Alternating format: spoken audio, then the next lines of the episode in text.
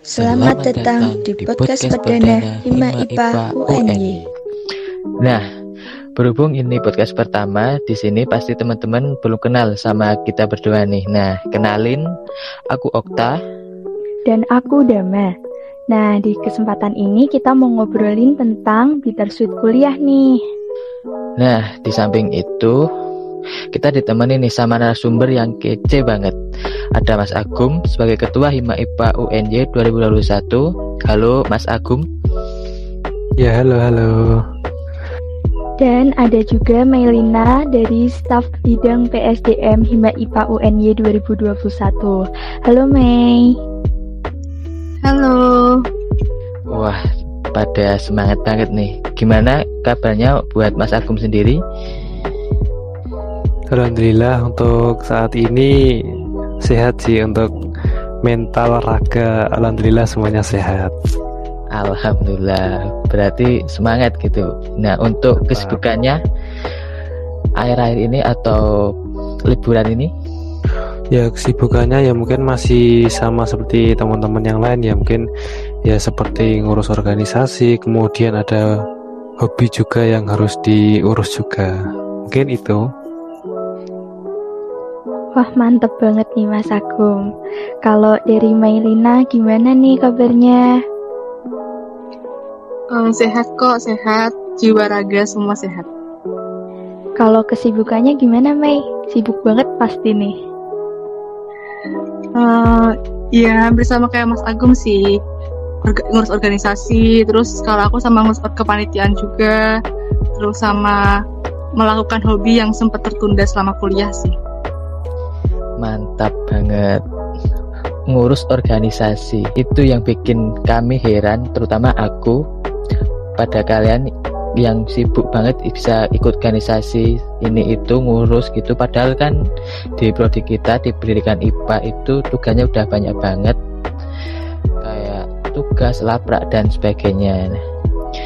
Gimana menurut Mas Agum itu rasanya masuk di jurusan pendidikan IPA seneng atau sedih atau gimana bisa dijelasin mas?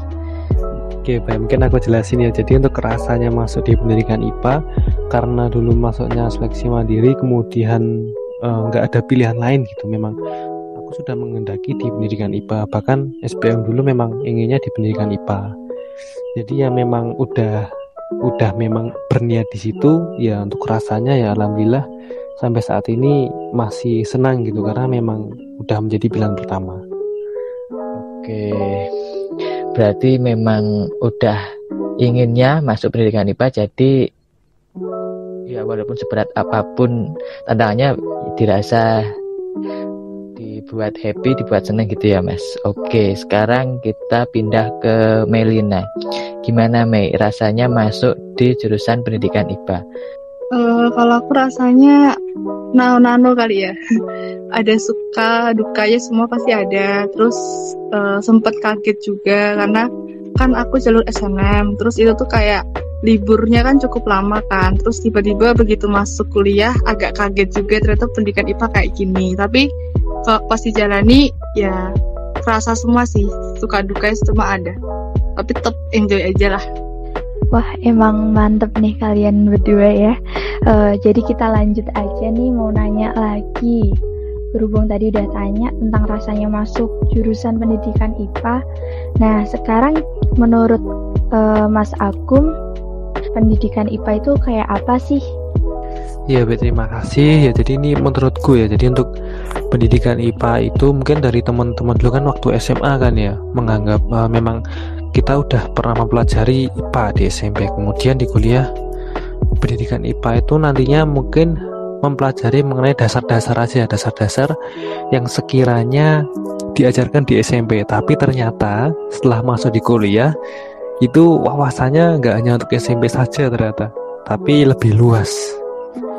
Mungkin itu sih yang uh, menurutku pendidikan IPA itu seperti apa ya tak terduga menurutku ya mungkin itu dari aku ya bener banget di prodi kita tuh banyak banget kejutannya ya mas ya yeah. uh, kayak banyak banget yang nggak diduga dan ternyata malah kadang suka di luar prediksi kita gitu Kalau menurut Mei gimana nih pendidikan IPA? Kayak apa kira-kira? Uh, sama sih yang dibilang tadi sama Mas Agung juga. Emang surprise banget sih kayak apa yang mungkin kita anggap benar di dulu begitu masuk di pendidikan IPA tuh ternyata nggak 100% benar gitu. Jadi terbuka lagi pikirannya, terus hal-hal baru yang uh, mungkin kita belum tahu jadi lebih tahu lagi. Terus yang mungkin kita taunya biologi cuma biologi sedangkan pas begitu masuk tuh biologi tuh ada cabang-cabangnya kimia ada cabang-cabangnya fisika juga jadi emang bener-bener surprise sih jadi hal-hal yang nggak terduga semua Oke, ya sebenarnya sama sih sama kayak aku sendiri.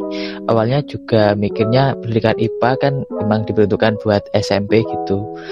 Ya menurutku juga pelajarannya pelajaran SMP gitu tahu-tahu pas masuk ikut kuliah yang dipelajarin kok SMP-nya mana kayak itu tuh SMA aja bahkan lebih gitu tapi yo nggak apa dibuat enjoy tadi. Oke next ke Mas Agung lagi nih. Selain aktif kuliah kan Mas Agung juga aktif dalam organisasi. Apakah kegiatan dan program dari organisasi mengganggu kuliah atau malah memacu semangat untuk kuliah? Dan dapat apa aja kalau di Hima itu? Atau organisasi yang lain yang Mas ikuti? Oke, jadi kalau menurutku mengenai apakah kegiatan di Hima itu mengganggu kuliah atau enggak ya sebenarnya ini tergantung dari pribadi masing-masing sih bagaimana cara kalian untuk manajemen waktu kalian kemudian manajemen diri kalian mana yang mengenai organisasi kemudian mana yang mengenai perkuliahan atau bahkan istilahnya nanti ada me time atau waktu tersendiri kira-kira untuk menenangkan mungkin itu nanti harus ada beberapa apa ya beberapa yang harus dibagi. Kemudian oh waktu ini aku akan serahkan ke organisasi. Oh nanti waktu yang sore atau malam itu nanti akan mengenai uh, tugas-tugas maupun uh, perkuliahan. Nanti ada beberapa waktu tersendiri. Uh, kalau di organisasi ini uh, sebenarnya ada banyak manfaat sih. Ya mungkin dari aku itu dulu aja Oke, dari Melina mungkin ada rasa atau pesan yang berbeda? Iya, kurang lebihnya sama sih sama yang dibilang sama Sagung. Terus uh, kalau aku juga pertama tuh pasti belajar time management selama kan aku ikut di beberapa di dua organisasi dan beberapa kepanitiaan juga jadi kayak kalau pagi itu ya bener-bener buat kuliah kalau misalnya ada kuliah kuliah gitu ntar kalau sore harus atur lagi entah itu jadwal buat uh, ngerjain tugas entah itu jadwal buat rapat atau ngerjain proker lainnya. Jadi emang time management tuh yang benar-benar diperlukan. Terus mungkin yang didapat kalau aku pribadi yang dapetin uh, banyak sih. Kayak misalnya belajar untuk manage diri juga manage waktu seperti aku bilang tadi. Terus uh, sama itu kepekaan. Jadi kalau di organisasi itu emang harus bisa kita harus belajar peka juga nggak cuma maunya kita doang tapi kita harus peka uh, kondisi sekitar kita kondisi bidang kita kondisi uh, organisasi kita jadi banyak yang bisa didapetin sih. Oke, ternyata emang nggak benar mitos yang bilang kalau ikut organisasi ini itu nanti kuliahnya sendet, kuliahnya keganggu. Itu memang balik lagi ke diri kita masing-masing. Oke, tadi kan ikut organisasi yang macam-macam. Nah, mungkin bisa lebih spesifik lagi dijelaskan tentang Hima IPA. Karena kan kalian Mas Agung sebagai ketua Hima IPA dan Melina sebagai staf di PSDM Hima IPA mungkin bisa menjelaskan apa sih Hima IPA itu? Dari Mas Agung mungkin Oke jadi untuk Hima IPA ya kita semua kan merupakan Hima IPA ya tapi Hima IPA itu nantinya ada anggota Hima kemudian ada pengurus Hima. Nah, kalau kita tahu bahwa Hima, Hima, Hima itu adalah himpunan mahasiswa, kemudian IPA. IPA-nya itu tadi adalah pendidikan IPA, jadi himpunan mahasiswa pendidikan IPA.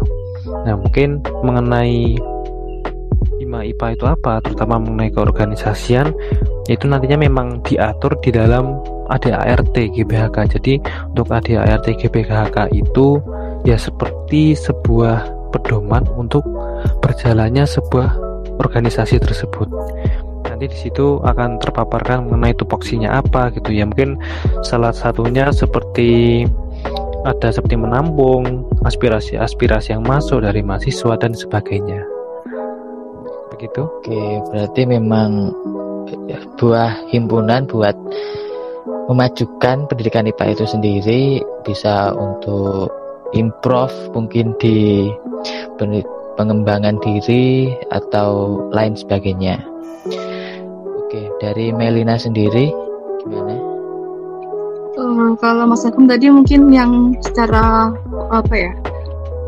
Secara umumnya ya, secara formalnya kalau aku pribadi uh, Hima IPA tuh menurut aku kayak keluarga gitu loh, seperti keluarga. Jadi uh, kan kalau pas zaman SMA, SMP atau sekolah gitu kan sekolah tuh adalah rumah kedua. Nah, kalau Hima IPA tuh keluarga kedua buat aku. Itu aja sih. Nah, kan dari tadi udah cerita nih tentang kesibukan organisasi, kepanitiaan gitu-gitu ya. Terus boleh nih kita cerita-cerita tentang pengalaman kuliah. Buat Mas Agung yang angkatan 19 tentu kan udah pernah nih ngerasain kuliah offline. Terus sekarang tiba-tiba kuliah online. Nah, itu kira-kira gimana Mas? Pengalamannya ceritain dong. Oke, mungkin aku ceritakan ya karena memang kuliah offline ini yang sangat berkesan menurutku. Jadi kalau untuk kuliah offline ini terutama mengenai laprak ya karena memang apa ya kita FMIPA kemudian pendidikan IPA esensinya ataupun uh, yang tergambarkan secara umum di kita adalah laprak laprak laprak. Ya laprak itu adalah laporan praktikum ya. Yaitu nanti dari uh, banyak mata kuliah yang ada laprak. Nah untuk angkatanku dulu kan semester 2 ya semester 2 akhir kemudian adanya pandemi tersebut lapraknya tulis tangan kemudian berlembar-lembar sampai bahkan nggak tidur. Ya mungkin sekarang ngetik juga bahkan nggak tidur ya. Tapi kalau dulu tuh tulis tangan itu wah itu paling apa ya berkesan menurutku. Karena kita juga sering bertukar pikiran sehabis sehabis kuliah. Ya kuliahnya waktu itu pindah gedung ke gedung. Lantai satu naik ke lantai tiga. Kemudian pindah ke lab jalan kaki nyebrang jalan. Kemudian di kantin kita sambil apa yang ngobrol bersama gitu. Itu menurut yang paling berkesan di situ. Kita bisa saling berkumpul saling bertukar pikiran. Kemudian ya banyak lah terutama mengenai kebersamaannya itu sangat terasa. Tapi untuk kemudian pindah situasinya yaitu untuk online. Ya kalau untuk online memang sebenarnya kita serba dimudahkan sih. Kemudian perbedaan laprak tadi ya contohnya ya, yaitu dengan ketik ya memang mudah kemudian memang seperti serba instan menurutku di sini. Tapi uh, kita juga tahu mie instan aja juga butuh proses gitu. Jadi semuanya ada proses. Mungkin itu. Berarti rasanya beda banget ya mas ya antara kuliah offline sama online? Iya beda banget.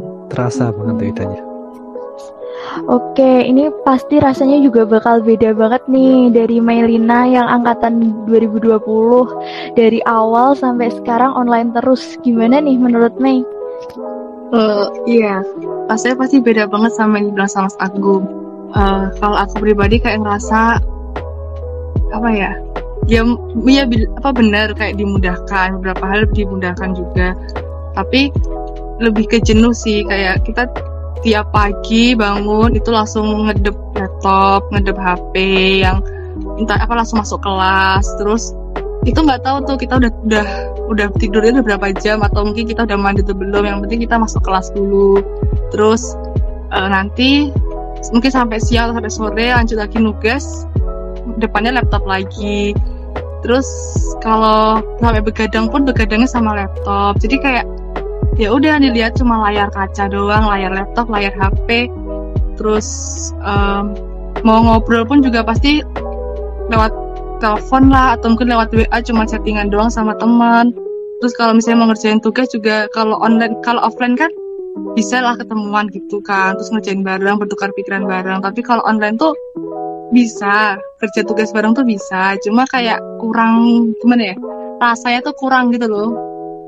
Jadi itu sih mungkin yang dirasain lebih ke jenuh aja lebih ke jenuh sama uh, kalau mau apa ya kayak memahami materi itu juga kadang agak susah juga gitu sih. Oke. Uh, sama sih kayak yang aku rasain. Aku juga angkatan 20 jadi rasanya emang bangun pagi laptop, siang laptop, sore laptop, malam laptop terus tiap hari. Tapi yo kita mau gimana lagi? Cuma ya semoga pandemi cepat berakhir lah. Oke, nah sekarang kan sudah masa liburan.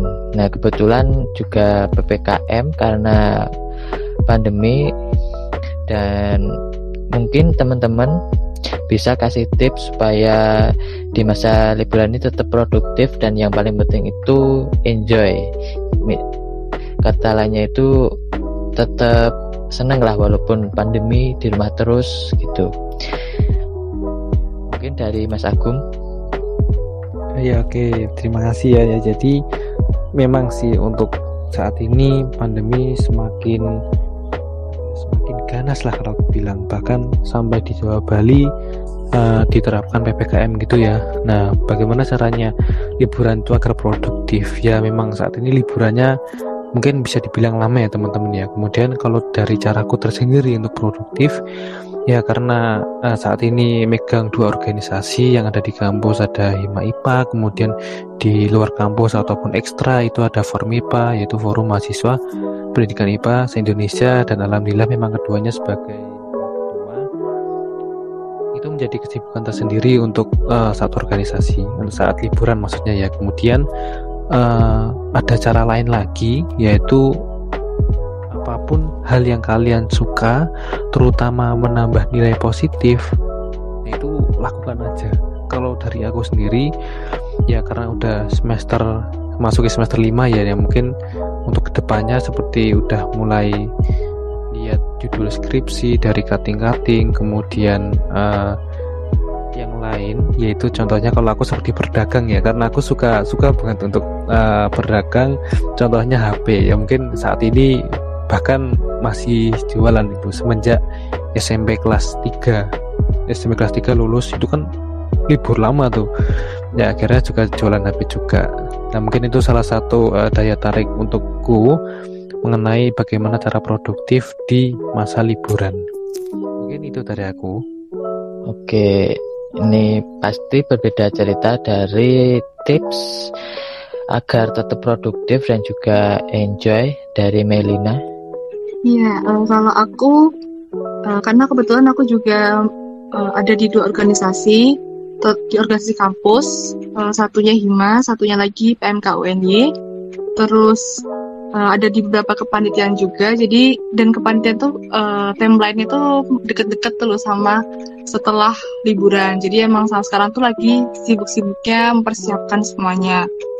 Jadi yang aku lakuin yang pasti uh, aku selalu kayak nulis list atau to, to do list. Jadi uh, apa aja aku lakuin di hari itu atau selama seminggu itu supaya nggak ada tabrakan gitu. Kalaupun tabrakan ya pasti minim lah intinya gitu. Terus uh, tetap jalani semuanya dengan berusaha happy, tetap enjoy aja. Karena kan bagaimanapun kita udah memilih itu, udah menyanggupi ya kita harus bertanggung jawab juga. Terus sama take your time sih, jadi kayak uh, mengambil waktu kita buat istirahat pastinya. Namanya juga liburan. Masa kita kerja rodi juga kayak sama aja sama kuliah kan. Jadi tetap harus istirahat uh, sama kalau aku pribadi aku tuh suka nulis. Tapi sejak kuliah tuh aku bener-bener nggak bisa menyentuh itu. Nulis ya nulis laporan nggak ada nulis-nulis yang kayak imajinasiku gitu kan. Nah sekarang aku lagi mau apalagi mencoba buat nulis lagi dan uh, udah mulai jalan terus sama liburan ini. Kayak mengisi waktu luang kayak lagi ada ide langsung tulis lagi ada ide tulis. Jadi kayak melakukan hal yang kita sukain tapi itu tuh positif. Kayak yang bilang Mas Agung tadi yang penting positif gitu sih. Yang penting jaga kesehatan juga perlu. Jadi jangan diforsir. Kalaupun uh, nulis pun aku kayak ngeliat jam oh udah jam segini nih harus istirahat lah. Jangan ngeliat laptop terus gitu. Jadi tetap uh, tahu batasan tahu kemampuan juga. Sama jalaninya itu juga dengan bersyukur. Itu kunci utama kalau kita nggak bersyukur pasti isinya cuma ngeluh-ngeluh-ngeluh aja itu sih Oke, mantep banget nih tipsnya. Jadi kita kayak harus pinter-pinter gitu ya memanajemen waktu antara kuliah sama ngelakuin hal-hal yang kita suka sama tentunya istirahat ya jangan lupa. Kesehatan itu paling utama kan. Nah, terima kasih banyak buat narasumber kita Mas Agung dan Melina yang sudah meluangkan waktunya hari ini. Terima kasih juga buat para pendengar podcast perdana Hima IPA yang sudah mendengarkan. Sampai jumpa di podcast Hima IPA selanjutnya. Dadah.